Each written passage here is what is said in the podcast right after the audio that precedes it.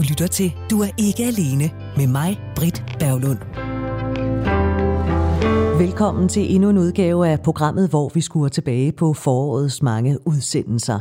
Det har været et mærkeligt forår. Corona satte en kæppe i hjulet for mange ting, og der er nok ikke nogen af os, der har levet et liv, som vi ellers til har gjort. Måske har du, ligesom jeg, taget dig selv i, at øh, når et andet menneske ude i virkeligheden, så den lige gik et skridt tilbage, fordi vi har jo altså skulle holde den fornødne afstand, at du alligevel nåede at tænke, hey, hvad er der galt med mig? Ser jeg skræmmende ud? Hvorfor træder du tilbage? For det er den instinktive måde for vores hjerne at reagere på. Og vi har skulle lære det der med, at selvfølgelig træder vedkommende tilbage, fordi vi skal holde en afstand, eller jeg selv træder tilbage. Og så skabte det overskrifter, da Sundhedsstyrelsen helt eksplicit kom med meldingen om, at ja, singler må gerne date, singler må gerne have sex, bare det med så få partnere som muligt, og kun hvis begge skråstreg alle parter er raske. Så hvis man som single efter Sundhedsstyrelsens udmelding om, at ja, det er okay at gå på date, fik blod på tanden, men øh, alligevel gerne med krop og ansigt ville signalere over for sin date, at jeg holder bare den afstand, jeg skal, og jeg vil der kun noget godt.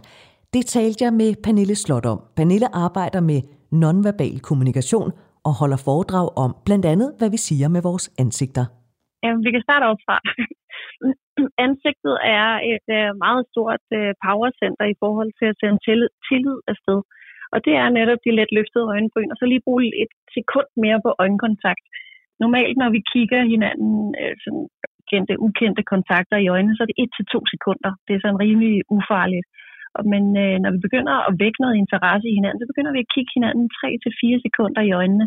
Fordi der, på det tredje sekund, der bliver lige frisat de her endofiner, der kilder lidt i maven øh, som gør os øh, ekstra opmærksom på, okay, er det en ven eller en fjende det her? Og hvis man godt kan lide det, det der lidt kilderen, og det er en, tillid, en, en tillidsfuld kontakt, man står med, jamen, så begynder man at kigge lidt længere i øjnene. Vi kan jo bare trække den over i hverdagslivet. Hvem er det, vi bruger mest øh, øjenkontakt med, øjenkontaktstid med?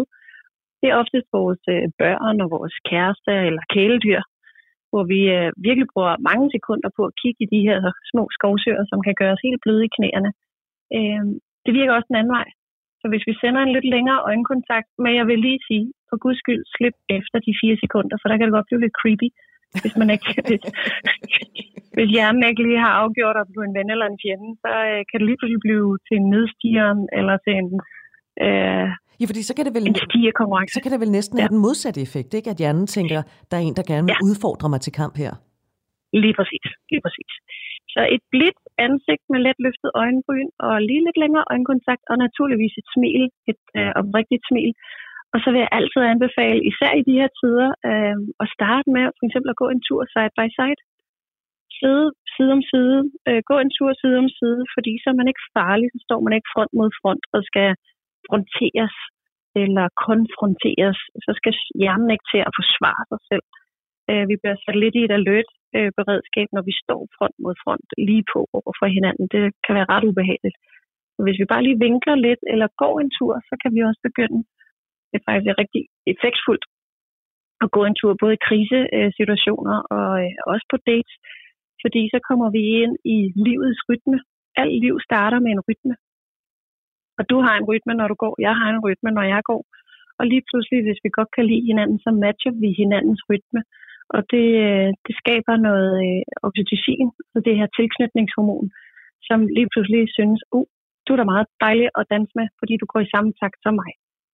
Så det er en ret effektfuld og så en måde at kunne aflæse sin øh, date på, eller sin øh, medarbejder til en mus-samtale, for eksempel. Hvis man er meget stresset, så går man meget hurtigt.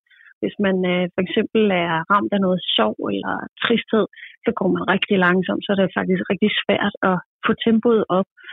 Og vi har vores helt eget tempo, som, som passer til os. Og hvis vi finder den dansepartner, der har den samme rytme som os, så er det der, at vi begynder at synes, at livets dans det er meget sjovt. Så det vil sige, hvis jeg møder en eller anden, jeg godt kan lide, øh, og lad os sige, han også godt kan lide mig, så vil vi automatisk finde hinandens rytme? Ja. Det er det, som man også i klassisk kommunikation kalder spejling. Øh, og der er mange, der siden 80'erne har været på fine øh, salgskurser og kommunikationskurser og lært, at man skal spejle hinanden. Og så bliver det sådan lidt for akavet, så bliver det sådan en kongens efterfølger-agtig ting. Øh, jeg tager den mere på, på, øh, på indersiden og siger, okay, jamen jeg starter med at gå mit eget tempo, og så ser jeg min makkers tempo, så begynder jeg stille og roligt at matche det, og lige pludselig så går vi bare i den samme rytme, uden vi tænker over det, nogen af os. Øh, du kan også bruge det som aflæsning. Når den anden spejler dig, så er det tegn på, at der er høj på tillid, og den anden gerne vil være en del af din flok. Hvor... I stedet for, at man sidder der, nu tager du koppen, så tager jeg koppen, og nu flytter du benet, nu flytter jeg benet. Det, det, så bliver det, så bliver det akavet. Ej, det bliver bare så dumt. Altså, ja. det er virkelig, Fuldstændig. virkelig ja. dumt. Men det her med spejling, ligger det sådan ubevidst i os? Altså lad os nu sige, at jeg virkelig gør en indsats øh, for at, at spejle på den, på den gode måde. Ikke? Vil, ja. vil, vil den person, jeg er sammen med, automatisk opfange det og sige, hey, hun kan godt lide mig? Det er noget, der kører ned i kælderniveauet. Øhm, og det er dernede, at, at, at det er godt fra. Og så tager vi en tur ud i dyrehaven og kigger på alle, øh, på alle dyrene, der står derude, så står de i samme retning. De spejler hinanden, de er en del af samme flok. Øh, vi ser også meget hurtigt nu, min kat, den render rundt og går præcis lige efter mig, frem og tilbage her i stuen. Øh, så, så det er noget, vi gør per natur som flokdyr. Vi spejler dem, vi gerne vil være i, i gruppe med, i, på hold sammen med. Øh, og især når vi søger en partner, så er det jo rimelig godt, at vi gerne vil være på hold sammen. Øh, men når det er, det begynder at blive det der øh, kongens efterfølge, men så, så når vi jo helt op på anden og tredje sal i, i hjernen, hvor den begynder at tænke, åh, oh, det var mærkeligt. Nej, nu skal jeg se, hvor meget jeg kan få den anden til. Og så bliver det sådan noget helt, helt kaotisk noget, ikke? hvor man falder ned af stolen og ja, Ej, det glemmer bare... at ramme munden med glasset. Og, ja. det bliver så dumt. Ja. Hvor stor forskel er der på mænd og kvinders nonverbale kommunikation? Åh, der er meget. Der er rigtig, rigtig meget. altså som grundting, så er, øh, hvis vi kigger på de to arter.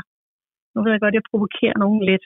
Men kigger man på hjernen og inviterer vores gamle zoolog Desmond Morris ind for at artsdefinere de her to forskellige hjerner, så vil han sige, at det er to forskellige arter. Altså hjernen er designet til at lave to forskellige ting. Øh, punkt 1. Handens hjerne kører på, øh, på et fuel, som hedder øh, adrenalin, altså hans kamphormon. Han er jo vores beskytter, han skal være klar til kamp og, og forsvar, og hunden kører på oxytocin, mere det her krammehormon, sørger for, at vi alle sammen har det godt, og berøring og, og øh, tæt på kroppen. Øhm, så når vi ser nogle af de her nonverbale signaler fra, fra både øh, hanner og hunder, som jeg kalder dem, hannerne, når de får ekstra meget testosteron, så puster han sig lidt op. Lidt silverbacken der, der viser sine brede skuldre og sin store overarm, og man kan også høre det verbalt øh, når han begynder at sidde med alle sine militære historier. Alle de der øh, sindssyge udfordringer, han har været ude i, som han har overlevet.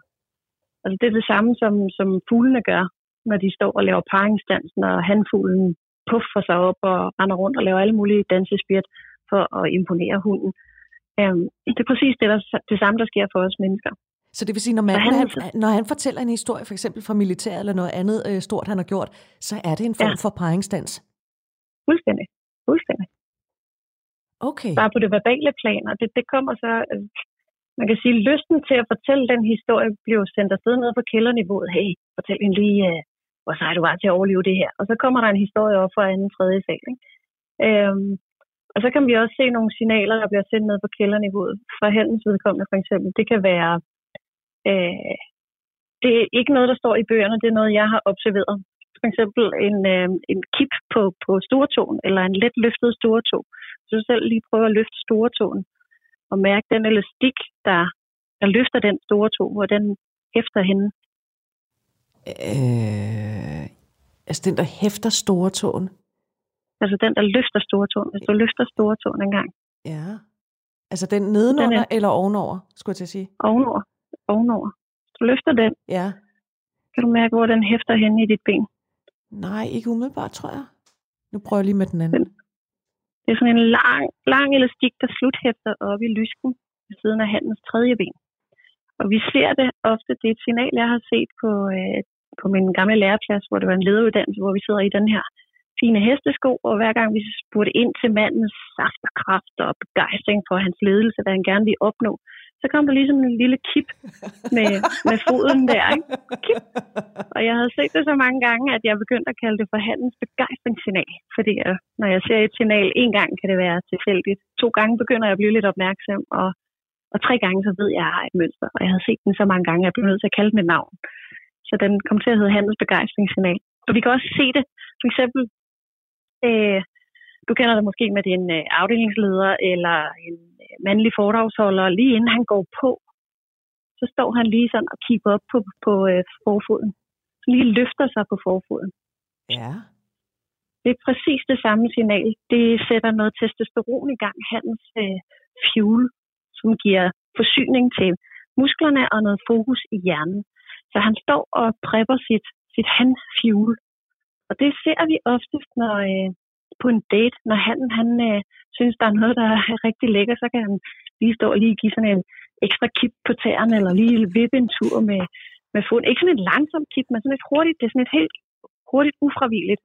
Og folk er slet ikke bevidste om, at de gør det overhovedet. Um, og igen, være... det er det her med, signalerne kommer på kælderniveau. Vi kan kun købe dem i bakgear. Vi kan ikke stoppe dem. Altså, jeg kan godt mærke, at jeg skal til at have fuld fokus på, øh, på mænds øh, fødder. Øhm, hvad, hvad, hvad så med os kvinder? Øh, hvad gør vi, som vi ikke er bevidste om, som, øh, som en mulig partner kan opfange? Uh, vi gør rigtig meget. Vi har sådan helt kæde reaktioner. Um, for det første, vores fuel, det vi kører på, det er det her oxytocin, vores krammehormon. Vi kan godt lide, at alle har det så godt som overhovedet muligt. Og når vi så ser en, en stor, stærk hand med brede skuldre og oftest højere han er også stærkere han er også øh, med en mørk, dyb stemme, så begynder vi at, øh, at køre en række af signaler. Ofte så er det først den lange øjenkontakt, hvor vi lige kigger lidt ekstra og lidt løftet øjenbryn, og så kan vi måske lige se, at vi kipper hovedet lidt og blotter halsen. Allerede der er vi i gang med en dyrisk proces, fordi når vi blotter halsen der siden af struben, så frisætter vi faktisk nogle feromoner, som hans næse opfanger. Så allerede der er vi i gang med noget på kælderniveau. Og så kan det lige være, der kommer sådan et hårflæk. Altså vi lige piller lidt på håret, som lige har lyst til at køre hænderne igennem håret. Selv mig, der ikke har særlig meget manke, jeg gør det også. Og kører lige hænderne igennem håret. Det er for at vise, hvor fin og velplejet en fjerdragt vi har. Sådan der. Yep. Så har vi stærke gener. Se lige den. Og så kommer, øh, så kommer oftest øh, det helt afslørende og helt afgørende signal. Det er det her, som jeg kalder hundens begejstringssignal. Det er den, de her lidt fugtede øh, læber. Vi fører lige tungen rundt omkring på læberne. Mm. Altså, så er den så godt som halvt inde. Yes. Ja, så er vi klar til at indtage. Ikke? Ja. Og de ligger og kører på sådan en, en fin perlekæde, der sådan kører igen og igen og igen. Øhm, selv jeg, der har undervist i det her i 13 år. Jeg kan heller ikke stoppe det. Det kører helt per automatik ned fra kælderniveauet. Der var på et tidspunkt, hvor jeg sad på en kaffebar og arbejdede, øh, hvor at, øh, hvor at øh, Koster Valdor sad en dag. Den var åben offentligt, så alle kunne komme derind. Og så sidder Nikolaj Koster Valdov derinde sammen med en skribent, og øh, jeg tænkte, åh ja, gud, han er menneske ligesom alle andre. Vi havde da godt nok snakket om, mig og tøserne, at øh, en af de der danske kendte, hvem der var hot. Nå ja, ham der på nattevagten, han kunne da godt få lov at låne en sofa, hvis det var. Ja. så kommer jeg ind, og jeg sætter mig ned ved mit bord, som er sådan øh, i fugleflugt til en tre meter fra ham. Og han sidder med fronten hen mod, hvor jeg sidder. Og jeg folder mit kontor ud med en laptop op og frem med de ting, jeg skal bruge. Så kører der lige en omgang mere, netter tingene, netter redden der, kører lige en omgang mere, så det bliver instasmukt. Fem gange sad jeg og nettede redden, og jeg tænkte, hold da op, jeg plejer bare at smække den op, og så i gang. Nå, det var det første. Netterredden, ikke? Lige viser, at øh, jeg har en god redde her. Mm. Nå, så begynder jeg at øh, sidde og tænke, okay, hvor skal jeg tage fat i dag? Og så mine øjne, de kørte bare zak over på ham. Oh, det var rimelig pinligt, når han sidder med hovedet lige i min retning. Det kan godt være, der sidder en skribent lige mellem os. Men i fugleflugt, tre meter, det koster Valdau i øjenkontakt. Det er sådan rimelig tæt på, ikke? Og jeg også tænkte, nej, det var, det var pinligt, da jeg lige fangede mine tanker derovre ved ham, så kigger jeg lidt væk igen, og sak, mine øjne derhen igen. Og jeg kunne simpelthen ikke stoppe den, så jeg rystede lige mig selv. Så jeg tænkte, at jeg skal lige over have noget, øh, noget, noget øh, noget batteri på min telefon, og sjovt nok var der kun et øh, stik lige over bag ved ham. Nå, for søren. Så, ja, for søren. Så går jeg hen, og så som en eller anden hestegal hoppe, så havde min hofte lige pludselig et helt eget liv, der havde en svingradius som en, som en lokalbus. Altså. Og jeg tænkte bare, hvor pinligt er det. Og jeg er sådan en rimelig tomboy, der går i bukser og kondisko, og tænkte, nej, stop det. Så satte jeg mig over, det virkelig, og, og lige rystede mig selv lidt sådan. Nå, så øh, jeg tænker okay, nu tager vi fat. Så kiggede jeg ud af vinduet. Så sidder jeg med godt og rank ryg, sådan, og jeg får lidt mere øh, buste på, og så med en, en fin hånd nede under hagen med trutmund, og sidder og viser min profil sådan lige to meters øh, fugleflugt fra Nikolaj Koster Valdau. Mm. Så begyndte den håret og læberne og øjnene, der hele tiden vil køre hen på ham. Og den blev bare ved med at køre igen og igen og igen og igen. Jeg kunne ikke stoppe det. Jeg måtte op og hente en kaffe mere, selvom jeg lige havde fået en. Øhm, sådan er det. Det kører fra kælderniveauet. Vi kan ikke stoppe det. Vi kan kun køre det i bakgear. Pernille Slot, jeg vil ønske, at jeg kunne sige til dig, ved du hvad, øh, hils på Kosta og Valdau. Det kan jeg desværre ikke. Det havde været det perfekte. ja. ja. Noget af det, du sagde for et øjeblik siden, det skal vi altså lige vende her til sidst, fordi du sagde noget med manden med hans øh, mørke og dybe stemme. Ja. Hvad gør stemmen ved os? Altså, hvor meget skal man tænke over den? Allerede nu er du gået ned i en god mørk klang. Ja, det, stemmen, det er rigtig sjovt, fordi at stemmen, lyd, lyd er faktisk en af de første sanser, som hjernen begynder at registrere inden for maven af, og det er den sidste sans, der bliver slukket, inden vi dør. Så det er en ret powerful sans, når vi snakker noget med verbale signaler og, og kommunikere på. Og øh, lyd har det sådan, hvis vi lige tager de to yderpoler, der er den dybe mørke, helt ned fra maven af, hvor vi virkelig får noget rumklang på. Og så er der den meget høje øh, tone, der går helt op i næsen, helt op i vejret, som næsten ikke er til at holde ud og, og høre på. Der er ligesom de to øh, modpoler, kan man sige. Og den mørke, dybe klang vækker noget, altså selve, selve resonansen vækker noget, noget ro i vores system og vækker den her autoritet, og øh, stabilitet, som vi har rigtig meget brug for, især i sådan en tid som den her. Og øh, hvis vi nu snakker stemmer, så kan vi jo lynhurtigt trække øh, Søren Brostrøm frem. Han står med en meget dyb og mørk, særkendende stemme. Han har et roligt tempo. Han når at øh, trække vejret. Og øh, det er rigtig rart for vores system at se, at far står stærk, når bølgerne går højt. Og der er det med de mørke og de dybe stemmer. Oftest, hvis vi ikke har set personen, så rater vi dem som høje, mørke mænd med den her dybe, mørke stemme. Så det vækker simpelthen noget helt uinstinkt, et, et, et helt øh, dyrisk instinkt i os, at det vækker noget ro, og det vækker noget øh, øh, autenticitet og noget autoritet. Altså vi lytter, og nu taler far. Øh, så, og især for os hunder. Altså, en dyb, mørk stemme med lige lidt rusten knæk på, og der lige er lidt badass på. Det går lige ikke stokken. altså, så Søren Brostrøm er faktisk lidt badass. jeg ved ikke, om det er en fjer, han har lyst til at sætte i hatten, men det, det, det er meget sjovt, fordi jeg har jo tidligere talt med øhm, adfærdsekspert øh, Tony Evald Clausen, som jeg ved, du også kender, Pernille Slot. Og ja, øh, hvor jeg måtte sige til ham, jeg har udviklet en, øh, et ret usundt forhold til pressemøder, hvor Søren Brostrøm er med, fordi det, det vækker bare et eller andet i mig. Og det er, ja det er altså også hans stemme og hans stemmeføring mm. og hans ro. Ja, præcis. Og det er det, vi har brug for i den tid, vi står i nu, hvor der er så meget, der er uvist. Så, så far Brostrøm og Mohamed gør det rigtig godt nonverbalt. Så kan man snakke om alt det, de siger, det, og alle de der politiske ting, men rent nonverbalt, der gør de det rigtige i den her situation for os. Og som vi så opfatter, uden at være klar over, at vi opfatter det? Fuldstændig. Det kører ned på, øh, på kælderniveauet, ja.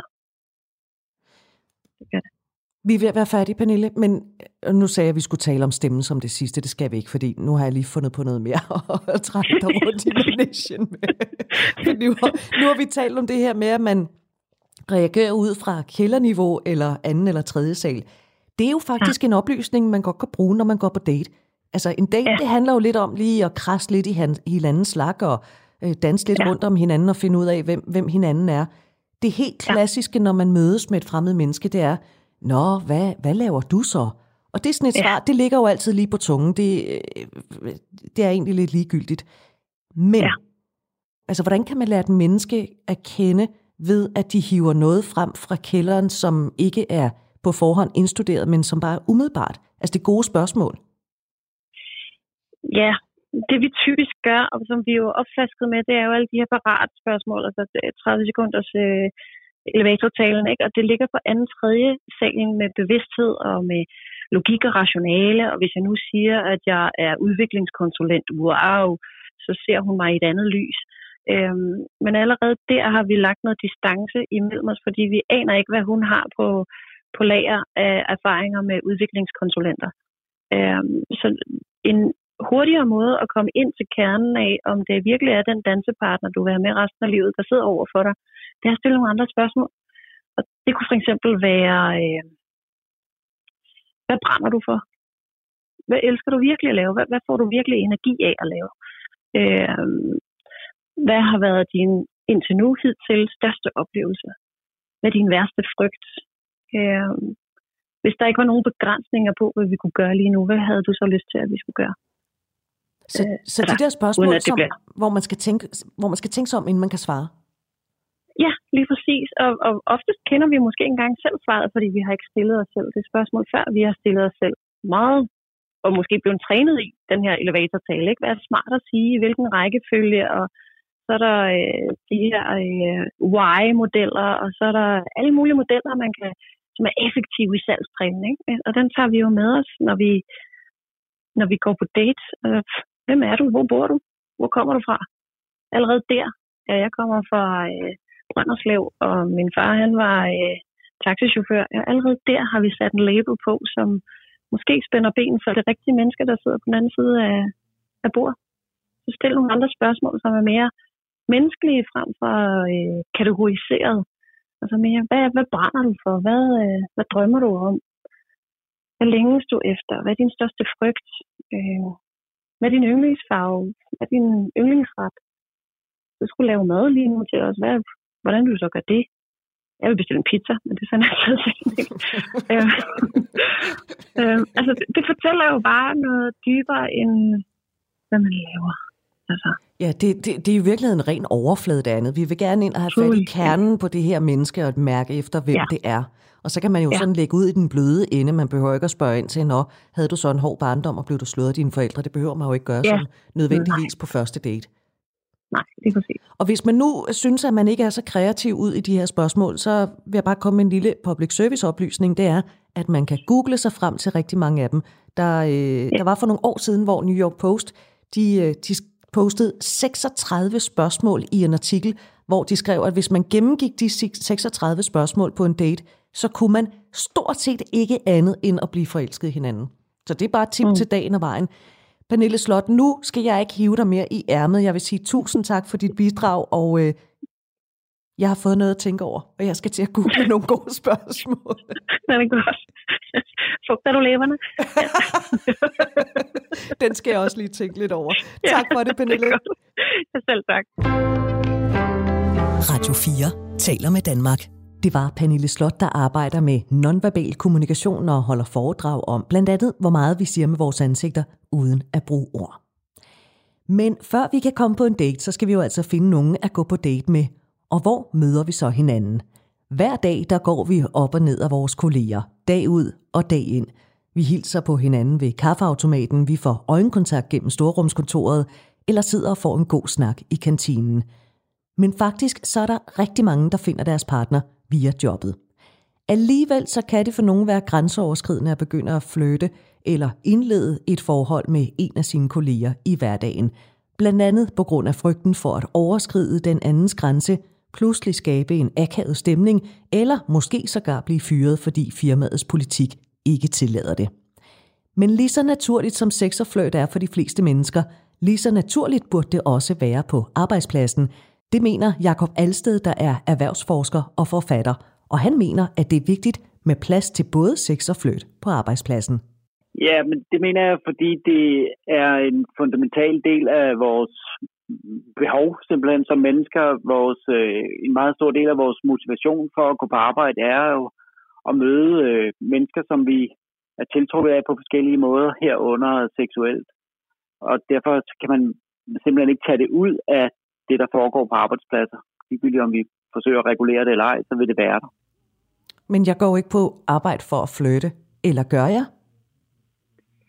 Ja, altså det er sådan faktisk det, jeg påstår, ikke, at, at en del af grunden til, at vi går på arbejde, ikke, ikke den hele grunden, men en del af grunden til, at vi går på arbejde, er også, fordi det er spændende at møde mennesker, vi kan blive seksuelt tiltrukket af.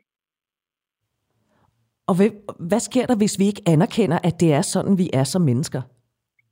Ja, altså, der kan man sige, der, der er sådan historisk, er der to, to måder, organisationer har forsøgt at, at, at styre det seksuelle. Altså, den ene er den meget sådan hårde styring, hvor den katolske kirke sølibat måske er den, det mest stramme eksempel, ikke? Øh, og så er der et, den modsatte der, hvor man slet ikke styrer det. Og i begge, i begge tilfælde, så kan man sige, så er det ikke sundt for de mennesker, der er i organisationen. Altså, hvis vi tager den katolske kirke, så er har celibatet nok været medvirkende årsag til de mange overgreb, der er kommet for en dag de senere år. Ikke? Og, og tilsvarende kan man sige, at hvis man lader det forbi fuldstændig ureguleret, ja, så kan det også føre til overgreb på den måde, at det, det seksuelle så, om som sige, kører afsted med, med medlemmerne af organisationen. Så der er ingen tvivl om, at, at når man er i en organisation, eller hvis man er leder i en organisation, så skal man på en eller anden måde søge at, at, at regulere eller holde styr på det seksuelle, men man skal nok gøre det med en vis øh, ja, balance eller fin følelse. Så hvis vi anerkender, at sex og fløjt det er en del af arbejdsdagen, hvilke mm. positive effekter kan det have på medarbejderne og også på selve arbejdspladsen? Ja, altså det, de, er ret, øh, de er ret sammensat, eller der er mange forskellige øh, elementer i det. Altså det mest oplagte, øh, kan man måske sige, at det kan være med til at øge sammenholdet. Altså, at, øh, at når, når, vi kan, når vi kan flytte med hinanden, eller give hinanden komplimenter, som sådan øh, også har lidt, øh, lidt seksuel karakter, så øger det det humørfyldte og, og lystfyldte og glædesfyldte ved at være på arbejdet, og, og dermed også øh, det sociale sammenhold og den, den gode stemning. Så kan man sige, at ved siden af det, så er der jo også nogle mere fundamentale behov, der er på spil, altså at, at for at vi hver især kan føle os som altså som anerkendelsesværdige mennesker føler som, øh, som øh, samlede hele personer, så er det faktisk ret vigtigt for os, at, det, at vi får lejlighed til at udtrykke os øh, seksuelt. Så, så der er både sådan lidt et socialt behov, men så er der faktisk også nogle personlige psykologiske behov, der, der kan blive tilfredsstillet. Hvis nu man har sådan en meget stram firmapolitik med, at den slags må ikke foregå, altså det er forbudt med sex eller fløjt på arbejdspladsen, hvad er problemerne ved det? Ja, ja altså det her, her, øh, her bliver det meget vigtigt at være nuanceret, fordi vi har haft de seneste års øh, berettigede øh, indgreb mod sexikane og, og overgreb på arbejdspladser. Og det skal reguleres, og det er fornuftigt, at det bliver reguleret. Og i nogle tilfælde, så, så kan det være, så, så kan en god måde at regulere det på, kan være ved at have nogle meget stramme regler. For eksempel er det meget fornuftigt, mener jeg, at have en regel om, at at ledere ikke må have affære med deres medarbejdere, for eksempel.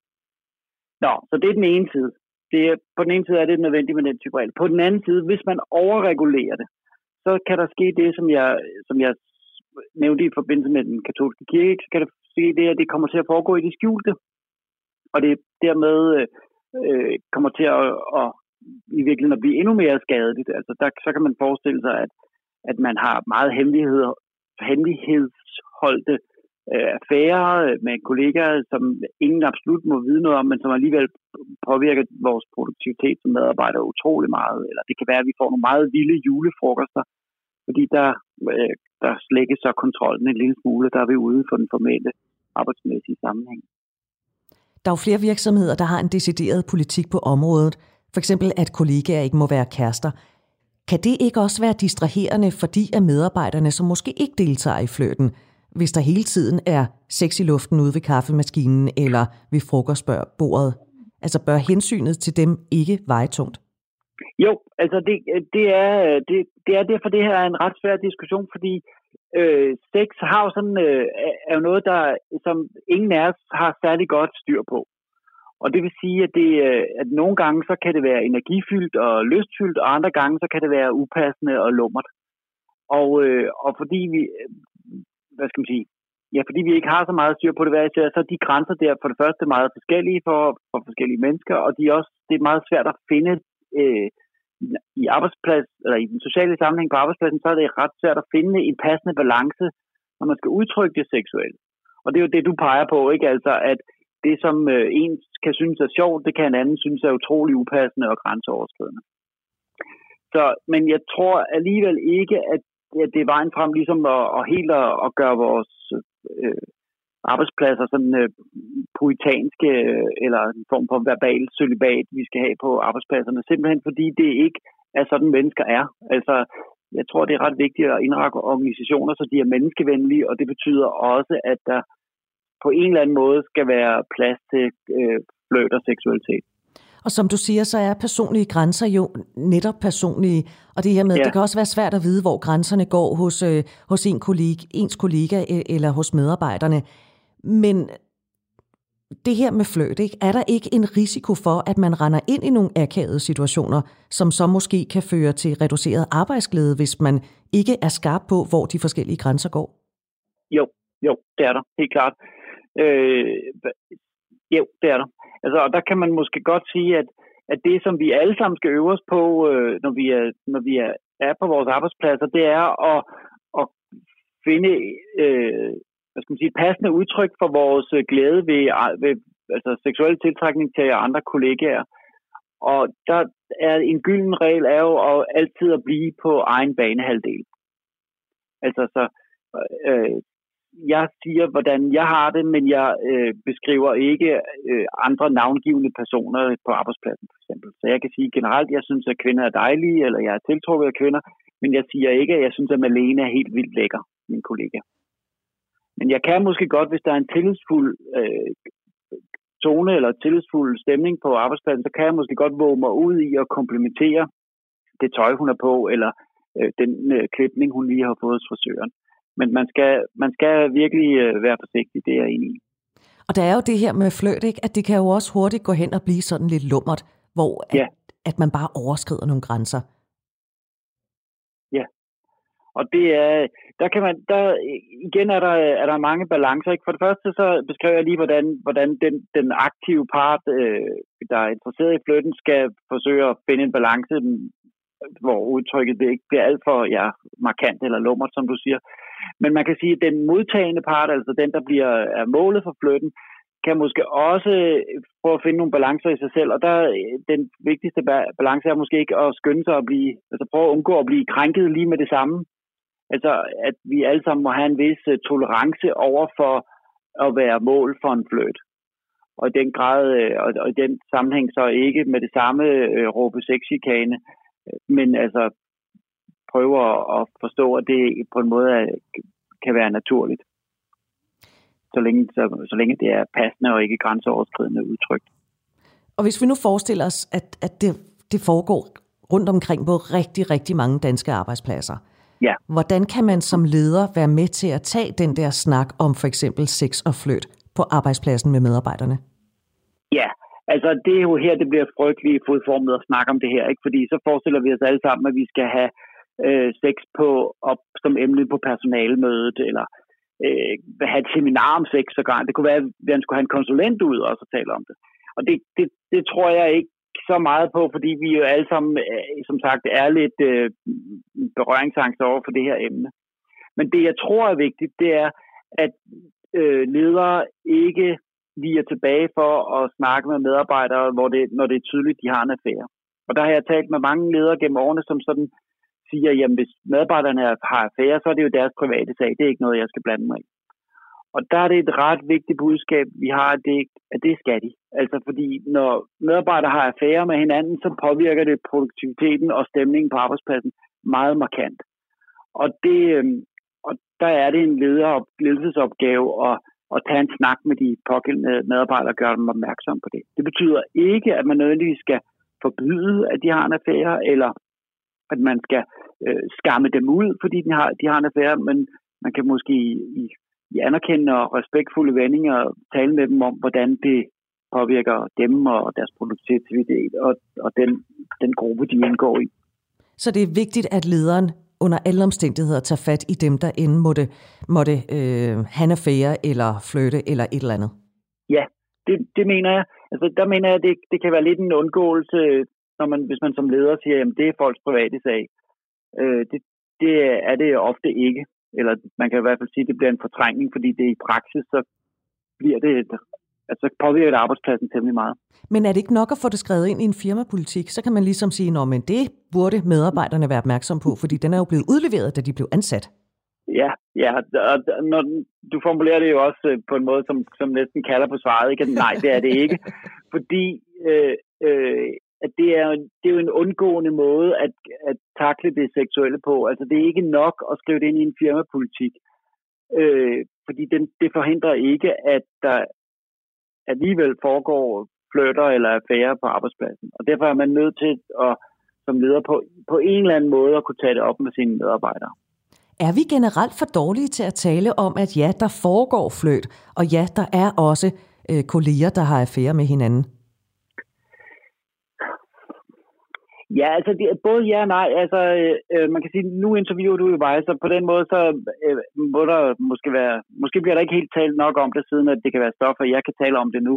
Altså, og jeg tror også måske generelt i litteraturen, så, og, og i meget af ledelses- og organisationsforskning, så taler man nok ikke så meget om, hvordan seksualitet er en del af motivationen. Ikke? Vi taler meget om anerkendelse, og at vi gerne vil have kompetencer og socialt tilhørsforhold, men det seksuelle er også en del af motivationen. Så på den måde tror jeg godt, vi kunne tale lidt mere om det. Og så tror jeg som sagt godt, at ledere kunne bevidstgøre sig lidt mere om, hvordan det er en del af deres medarbejderes motivation. Så det er den ene side. Men så tror jeg alligevel, at man på mange arbejdspladser faktisk er ret gode til at tale om det. På den måde, at der mange steder jo er udviklet en sådan en, en, en et godt niveau af, af humor og indirekte omtale af det seksuelle øh, gennem sådan øh, ja, små, små øh, overvekslinger i dagligdagen.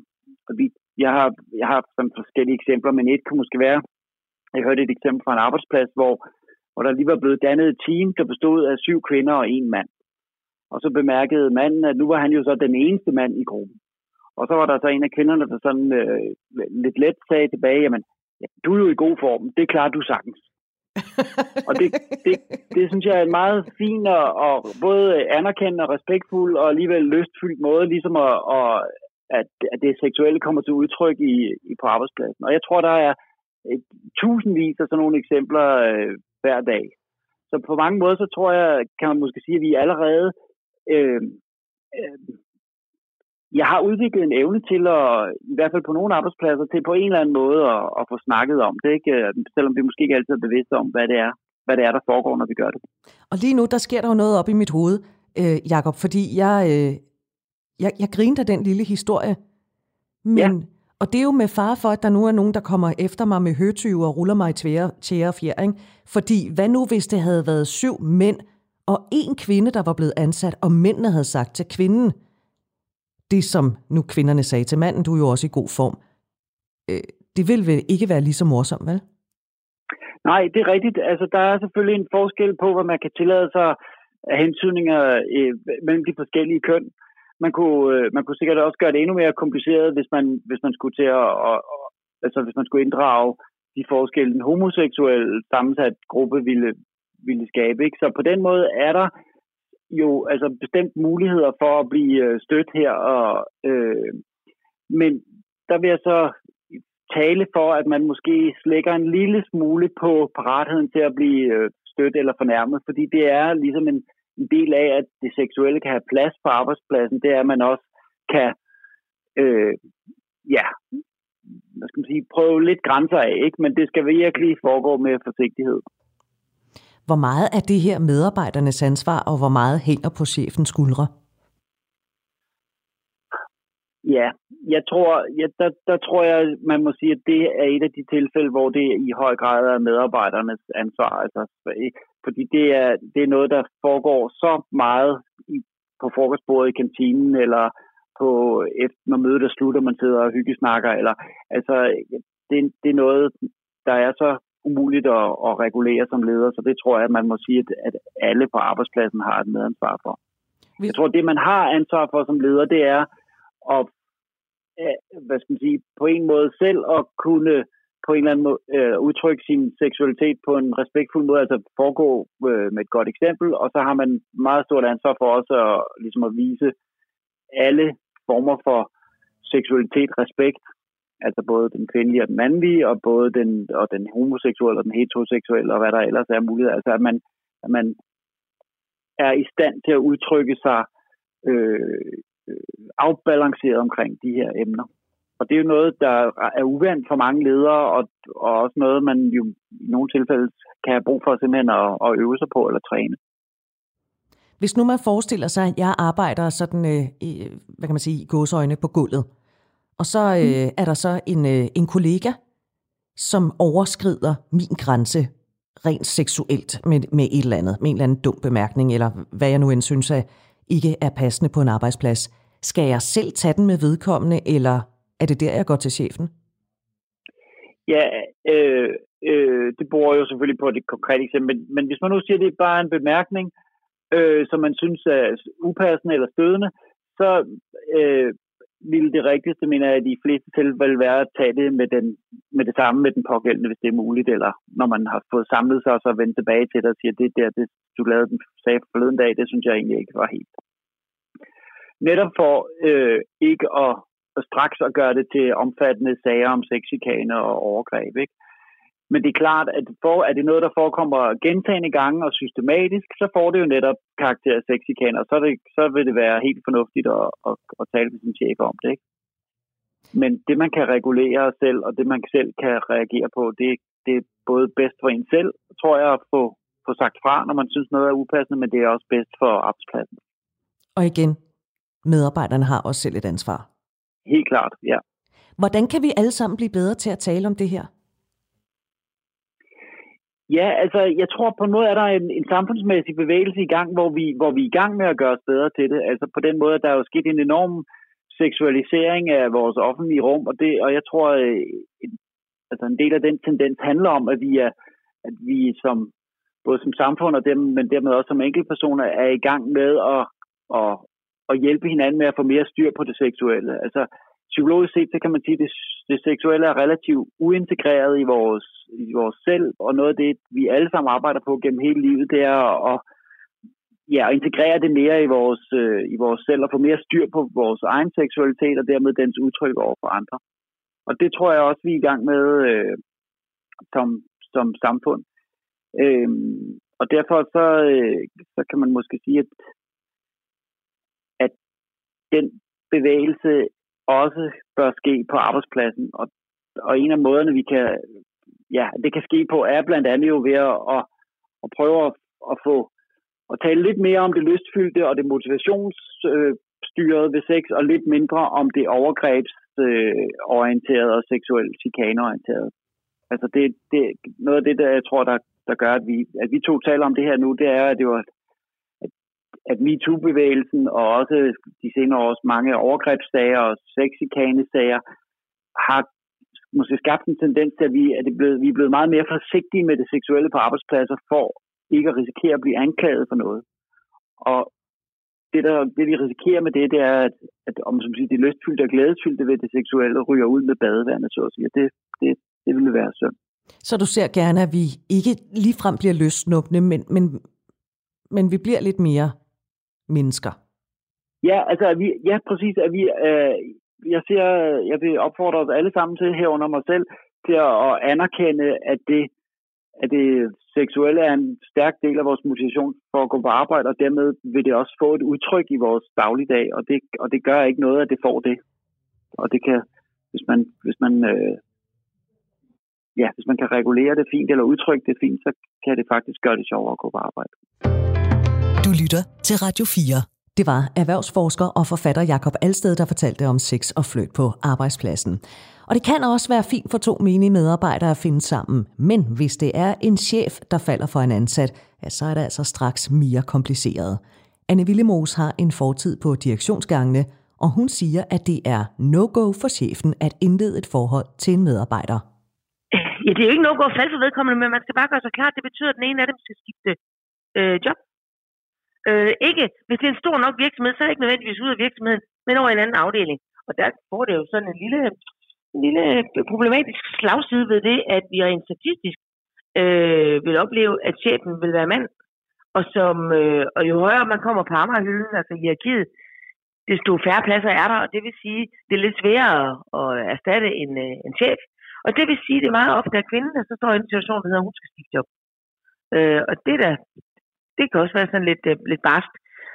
Rigtig mange virksomheder opererer i dag med nedskrevne regler og retningslinjer for det her. Og det er jo rigtig klogt, fordi de virksomheder, hvor man ikke har skrevet det ned, men inderst inde har lidt mening om det.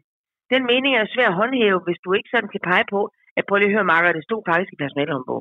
Så skal du i stedet for ind og have en svær snak, hvor, hvor den her chefs, øh, chef, altså skal et lag op, skal sige, ja, det der med, at I er blevet kærester, ja, tillykke med det i øvrigt, men det, det er ikke så smart, så hvad gør vi lige ved det? Og det er rigtig svært, hvis man ikke har et fælles retningslinjer, fordi det er jo ikke noget, der er lovgivning omkring, eller sådan på den måde øh, regler for.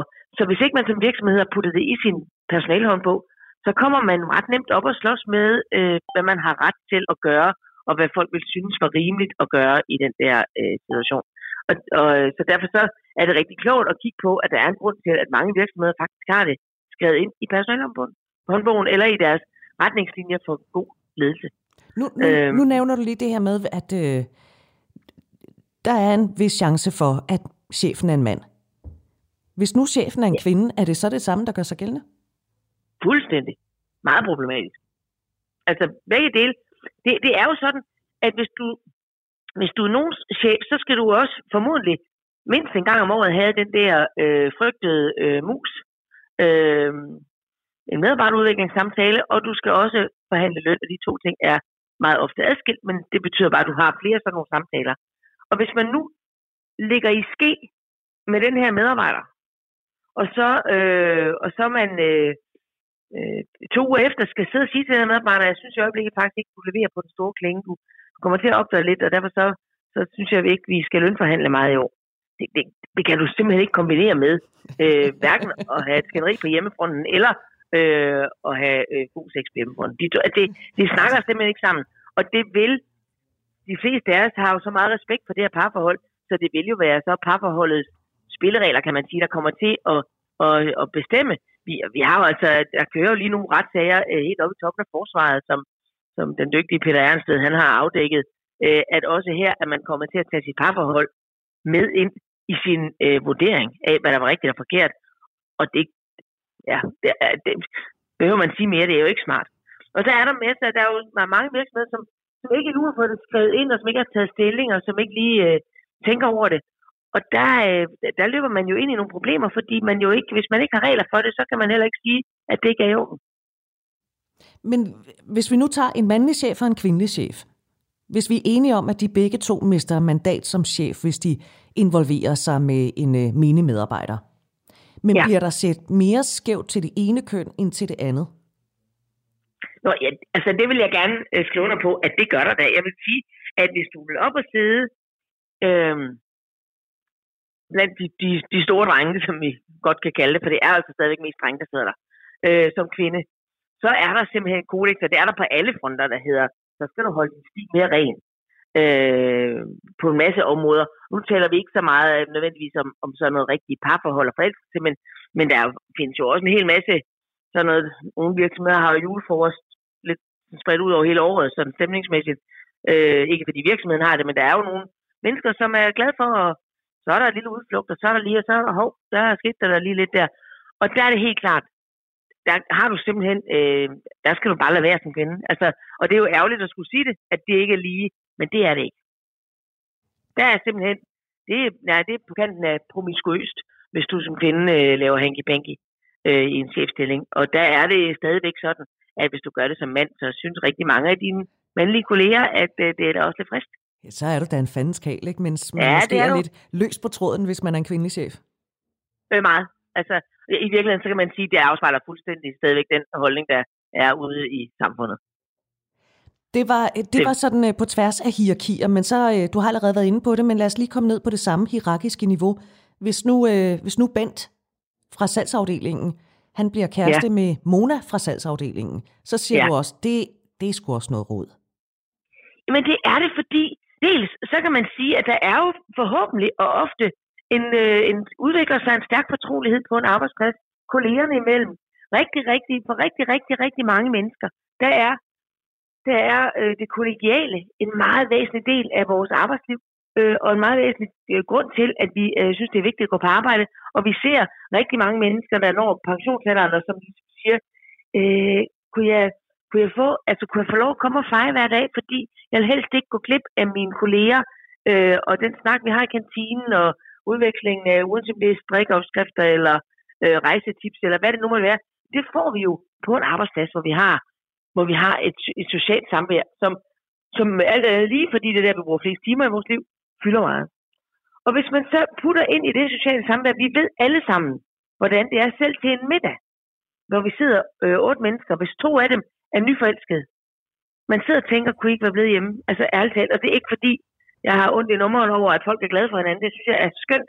Men den dynamik, der opstår, når to mennesker laver et rum for sig selv i en, lille, i en mindre gruppe, øhm, som gør det meget svært for gruppen øh, at manøvrere. Øh, og og der, der er det jo også sådan, at øh, altså, hvis man endelig vil skrive det her ned i sin personalehåndbog, det øh, appellerer jeg jo til, det synes jeg er en god idé, øh, så kunne man jo godt sige, at øh, hvis folk siger, hvor går grænsen, må man så slet ikke finde sin partner på arbejdspladsen? Jo, det, det må man godt, og det, det vil også være tosset andet, for det tror jeg nok statistisk, at der vi, vi de fleste møder deres, deres langvarige partner.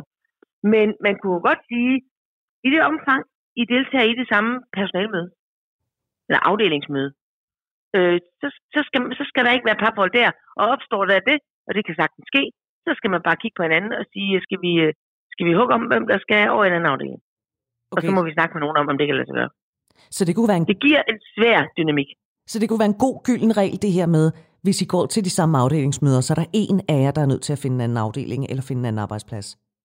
Ja, for uanset om det afdelingsmøde omfatter 5 mennesker, eller 30 mennesker, eller 50 mennesker, så sidder der pludselig en gruppe i gruppen, som kan sådan ligesom sidde og sige, når vi, øh, vi mener. Øh, og det vil sige, pludselig har du ikke en række individer inde i dit rum. Når du har individer, så har du pludselig en lille gruppe, som jo... Og så er der også det der med, at, at, at her gik man var blevet rigtig nære venner med Mona. Og derfor havde man brug for at, at snakke om nogle personlige ting. Så opdager man pludselig, at hver eneste gang Mona ved noget om ens liv, fordi man kan godt blive meget nære venner på en arbejdsplads, så ved Bent det også. Fordi Mona, hun sidder hjemme og snakker med Bent på hovedpuden. Øh, og det havde man måske ikke lige sådan tænkt, at det var også noget, der ragede Bent det her. Men, men Mona kan jo ikke have det her parforhold, og så de der hemmeligheder. Og så kan man sige, vil hun ikke også fortælle Bent det, hvis Bent han var ansat over i logistik? Jo, men så var Bent ikke længere min tætte kollega i hverdagen, hvis jeg havde fortalt Mona noget på det. Men... Øh, fordi det sker jo selvfølgelig. Altså, at, at vi, at vi øh, kommunikerer derhjemme med noget, vi har hørt eller set. Og det er en del af den fortrolighed, vi bygger op i et parforhold, hvis det parforhold fungerer bare nogenlunde godt. Øh, og den skal der også være plads til i parforholdet, men den kan pludselig gå ud over andre mennesker. Men hvis nu Mona og Bent siger, altså prøv at høre, vi, vi er voksne mennesker, vi er ret sikre på, at vi godt kan styre det her. Skal man så ikke give dem en chance? Altså hvis nogen nogensinde har mødt et rigtigt forelsket par, som kunne styre måden, de var forelsket på, så, så vil man næsten sige, at det lyder lidt sølle. Ikke? Øh, det, der er jo øh, faktisk ikke noget værre end at være selskab med nyforelskede mennesker. De, vi bliver jo alle sammen, vi bliver, vi bliver det sted mærkelige. Ikke? Lige der, i hvert fald i startfasen. Så lægger det sig på et tidspunkt, så bliver vi en lille smule mere normale, men så opstår der så den her symbiose af to mennesker, som, øh, som måden de kigger på hinanden på. Der er sådan et, der er sådan et hemmeligt rum, de to mennesker har, som man altid, hvor man altid føler sig lidt udenfor. Og så kan man sige, at altså, det er jo en arbejdsplads, det er jo ikke et socialpædagogisk eksperiment, det er jo, jeg skal, skal ikke være plads til det. Jo, men var det ikke smart også at respektere den arbejdsplads, og de dynamikker, den arbejdsplads har brug for, både i forhold til at fungere socialt, men også i forhold til at fungere øh, effektivt og professionelt. Øhm, der er der jo altså lige præcis en grund til, at vi, vi, heller, vi taler ikke vores børn med på arbejde. Altså medmindre det er en helt særlig corona situation. Ikke? Så det er lige så meget også for kollegernes skyld, at det er godt at have nogle retningslinjer?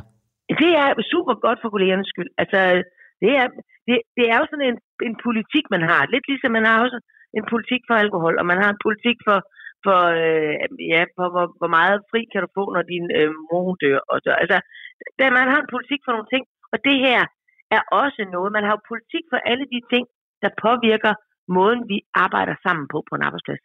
Og der er det her en af dem. Og det er en af dem, hvor vi kviger os nogle steder lidt ved at gå ind og blande os, fordi vi føler ikke, det må vi. Men der vil jeg sige, det har altså de langt, langt de, de fleste af de øh, halvstore virksomheder, de har det skrevet ned i dag. Hvad, hvad synes vi om det her? Og det er der en god idé i. Fortalte Anne Villemos. Du lytter til Du er ikke alene. Vi er halvvejs i programmet. Anden halvdel kommer om få minutter. Her er der først nyheder.